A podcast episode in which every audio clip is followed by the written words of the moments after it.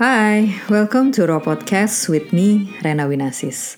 Episode ke-6 sampai episode 10 still uh, akan diambil dari one of the Andrew Matthews chapters dari bukunya berjudul Follow Your Hearts. Tema besarnya adalah The Universe Has No Favorites. Pesannya, Kesuksesan dan kebahagiaan kita akan tergantung dari hukum alam dan beberapa prinsip, dan bagaimana kita menggunakan keduanya. Hukum alam atau universal laws merupakan satu hukum yang berlaku di mana pun, kapan pun, dan pada siapa pun. Episode ke-6 kita akan membahas tentang the law of seed, yaitu kalau di bahasa Indonesiain Artinya hukum benih. Lucu ya kalau bahasa Indonesia. Apa sih maksudnya? Kalau teman-teman bayangin benih, pasti kita langsung ingat sama Pak Tani dong atau Bu Tani kan. Pekerjaannya adalah uh, mulai dari menyangkul tanah, kemudian tanahnya dikasih air biar ready untuk uh, dikasih benih. Satu persatu dari cangkulan itu dia kasih benih dan kemudian dia tutup.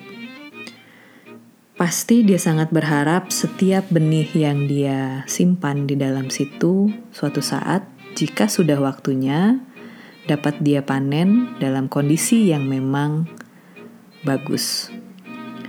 Another example di kerjaan kita setiap hari ya teman-teman. Kalau ada yang kerja from 9 to 5 atau 8 to 5, ngerjain a very mundane activity yang kadang buat kita terasa boring atau kadang kita mendapatkan uh, tugas yang membuat kita exciting. Pasti harapannya uh, kita mendapatkan gaji on time atau for that exciting task kita dapat bonus dong. Uh, another example, the third example will be uh, ketika kita uh, merasa kalau kita ini nggak bisa hidup sendirian ya, kita belajar untuk membuka diri dan berkenalan dengan sebanyak-banyaknya orang. Di dalam satu fase perkenalan itu pasti ada effort yang kita lakukan. Misalnya, uh, kita bukan orang yang seneng ngobrol, tapi kita make an effort untuk being nice sama strangers yang kita temui. Kita ngobrol sesuatu yang mungkin basa-basi atau ternyata setelah beberapa saat kita merasa, oh klik nih. Dan itu nggak menjadi suatu basa-basi. Um, bisa jadi obrolan itu membuat kita nyaman dan akhirnya kita masuk ke tahap berikutnya yaitu kita melihat apakah kita nggak kita suka nggak ya sama orang ini gitu. Uh, setelah kita tahu kalau kita suka, biasanya kita make another effort atau secara nggak langsung memperlihatkan kalau kita suka sama dia. Uh, kita memberikan perhatian-perhatian kecil, uh, just uh, for the sake being noticed sama orang yang kita suka. Segala daya upaya kita lakukan untuk membuat orang itu nyaman dengan kita. And the next harapan yang lain adalah setelah kita melakukan begitu banyak effort adalah uh, mungkin one day dia bisa jadi pasangan kita atau teman hidup menemani hari tua kita.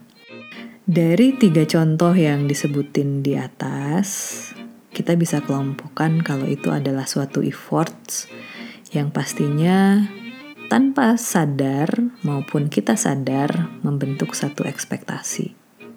Hasilnya pengennya seperti apa? karena kita tahu kita sudah put an effort on it. But before we get to the result, ada satu fase yang kita harus sadari, yaitu kita harus bersabar. Fase sabar ini bisa dianalogikan sebagai mungkin Pak Tani atau Ibu Tani harus menunggu beberapa bulan untuk akhirnya waktu panen itu tiba. Mungkin setiap pekerja di luar sana harus menunggu kapan waktu gajian. Mudah-mudahan dapat bonus nih bulan ini. atau di hubungan setelah uh, all the effort, all the things we can do, kita menunggu.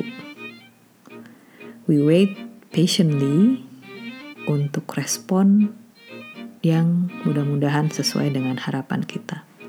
Kalau teman-teman lihat dalam fase patient tadi, we need to understand that there will be a period of time.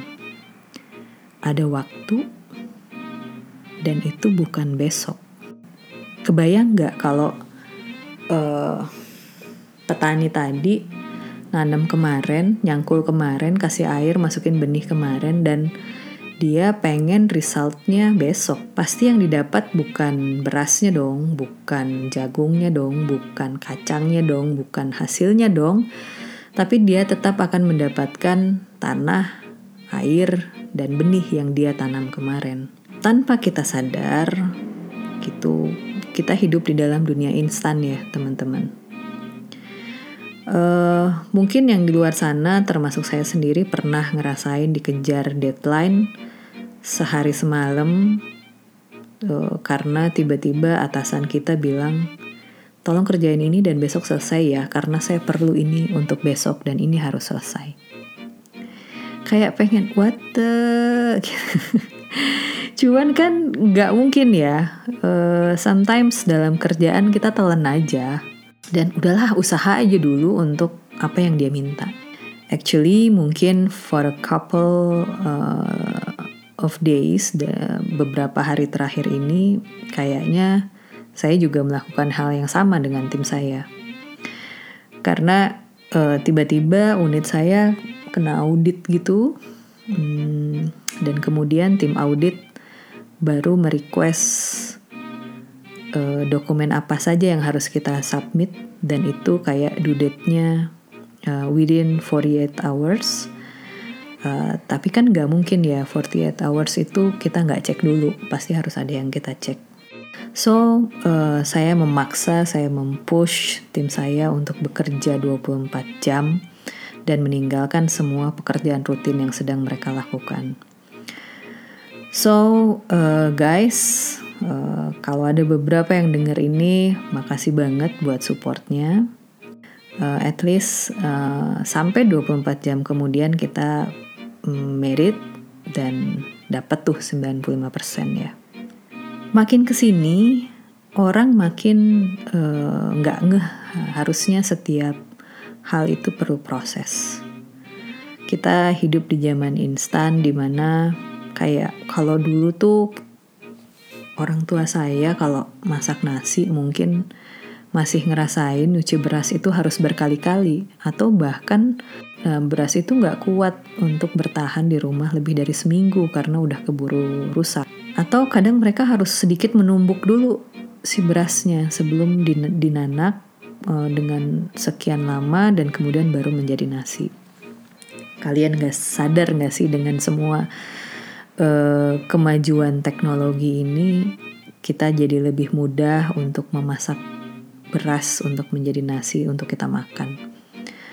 Let alone sekarang lagi pandemi gini Gojek dan Grab itu kayak pengganti rice cooker karena kita tinggal pencet aja semua ada di our handheld kayak uh, dunia itu kayak di dalam genggaman kita mau makan tinggal pencet uh, jasa online yang ada di luar sana dan voila kita nggak perlu masak kita nggak perlu repot-repot, kita cuma perlu ngangetin, dan kita makan. Banyak sekali hal-hal yang makin ke sini bukan hanya mendek mendekatkan jarak, tapi menghemat banyak waktu. Mungkin ada beberapa contoh yang bisa saya ambil lagi ya, misalnya kayak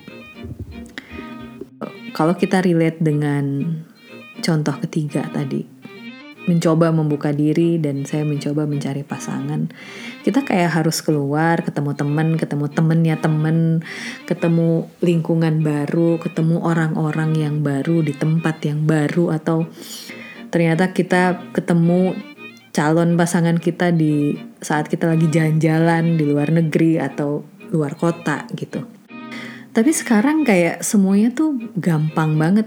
Kalian mau ketemu siapa aja di seluruh pelosok dunia, itu tuh kayak udah di depan mata karena semuanya ada di tangan. Kalian tinggal hit sosial media apa dan gimana pinter-pinternya kita make sosial media tersebut. So, setelah effort menunggu dengan sabar, akhirnya udah waktunya nih si result itu ada. But here the things, teman-teman. Ternyata setelah uh, para petani ini menunggu 4 bulan untuk panennya bisa mereka panen gitu berasnya udah bisa mereka ambil jagungnya kacangnya gitu dari satu hektar benih yang mereka tanam ternyata mereka cuma bisa panen sekitar 50 hingga 75 persen sisanya hasil panennya kurang bagus, mungkin karena kena hama, dimakan tikus, atau ada beberapa bagian yang kena air hujan yang terlalu banyak. Ternyata, misalnya setelah kita make an effort di kerjaan, eh ada pandemi. Dan ternyata kantor kita kolaps misalnya. Uh, kantor kita cuma bisa gaji kita 50% atau the next two months even though kita melakukan hal-hal yang rutin, kita harus bisa menerima kenyataan kalau kantor kita tutup. Contoh ketiga, ternyata no matter how hard we make others to respond positively to our interests, to our attention, to our love, the change still kayak bisa bisa aja loh. Udah kita kasih semuanya mereka nggak respon karena mereka nggak suka. Atau tiba-tiba mereka zone us as a friend gitu dimasukin di kotak temen atau tiba-tiba mereka menghilang aja gitu ghosting us without any explanation so then apa sih yang kejadian bukannya tadi dibilang kalau hukumnya adalah the law of the seed is effort plus patient equal result Ya kan? Tadi kan dibilangnya gitu. Well, who said the result is about 100% just like what we expected. Uh, gila. Kena banget kan? Kena banget kayak ditampar gitu. Who said that life will be fair? Di dalam buku ini, katanya kita harus mengerti kalau hasil itu bisa aja nggak 100%. Dan kita harus mengerti kalau mungkin aja nih gak dapat 100%, mungkin aja kita cuma dapat 25%. Jadi ngerti ada kemungkinan itu dan kemudian pahami dan kemudian terima dan kemudian prepare. Maksudnya gimana sih? Kalau saya coba mengartikannya mungkin seperti ini teman-teman. Selalu kasih ruang untuk membayangkan kegagalan saat kita men-set satu goal tertentu. Kenapa? So kita bisa prepare dengan lebih baik gitu. Maksudnya prepare dengan lebih baik, kita sudah membayangkan resiko kegagalan itu dan kita cari tahu kenapa itu bisa gagal dan kita mengecilkan kemungkinan kegagalan tersebut. Jadi bukan prepare untuk kalah, tapi prepare untuk menang karena resikonya semakin kecil.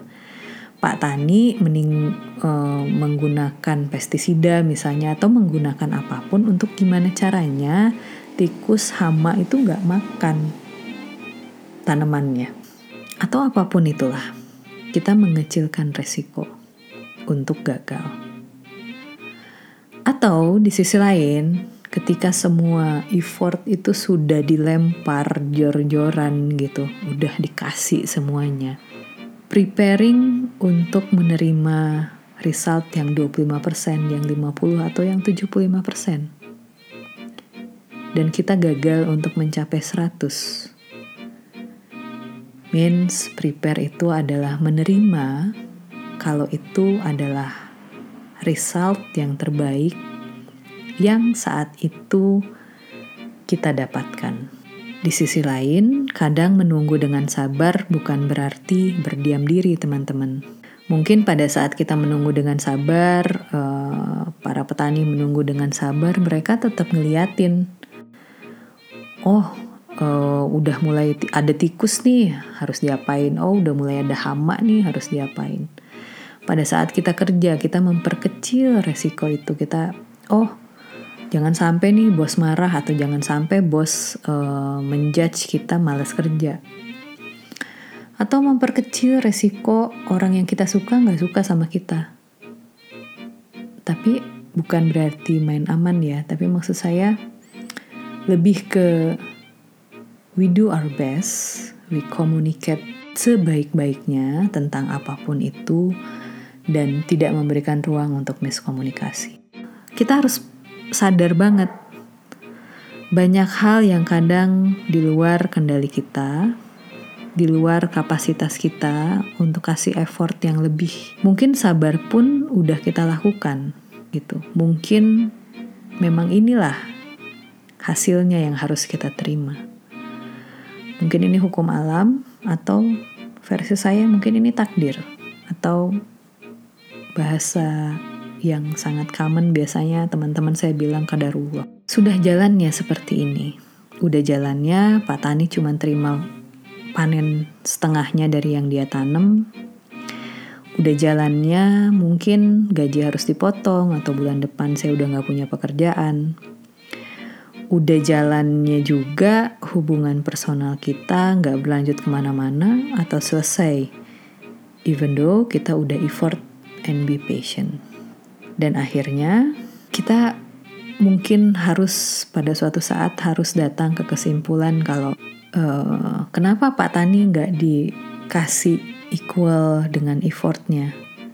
Karena mungkin belum waktunya dia dikasih rizki sebanyak itu. Uh, kenapa setelah bekerja dengan maksimal, dengan totalitas, beberapa orang di saat pandemi ini harus menghadapi gaji yang dipotong setengah atau uh, di PHK misalnya karena ya inilah mungkin kondisi yang terjadi dan itu terbaik buat kita atau itu ternyata bisa mencetuskan hal-hal yang baru men-challenge kita untuk bisa beradaptasi, bisa memberikan solusi menjadi uh, orang yang lebih struggling. Yang jelas, apa yang kita dapatkan dari effort kita sekarang dan apa yang kita jalani sekarang, saya sangat yakin apa yang kita terima sekarang sebagai hasil dari effort kita itu adalah sudah sebaik-baiknya kondisi yang bisa kita dapat saat ini. Saya sangat percaya semuanya ada waktunya.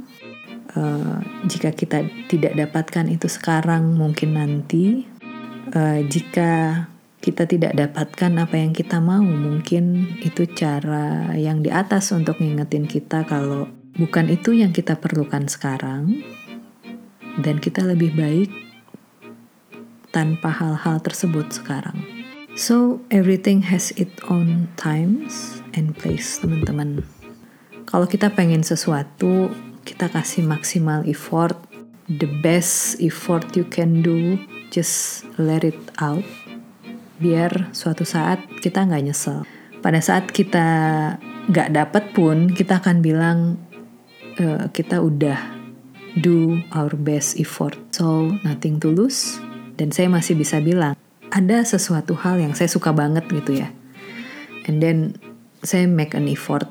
Dalam proses pasti akan ada satu kelelahan atau apa, menunggu, uh, sabar, mungkin ada doa saya berdoa untuk satu ekspektasi yang saya inginkan, tapi pada saat tidak sesuai dengan keinginan saya, tapi saya sudah melakukan yang terbaik, saya tetap akan merasa menang.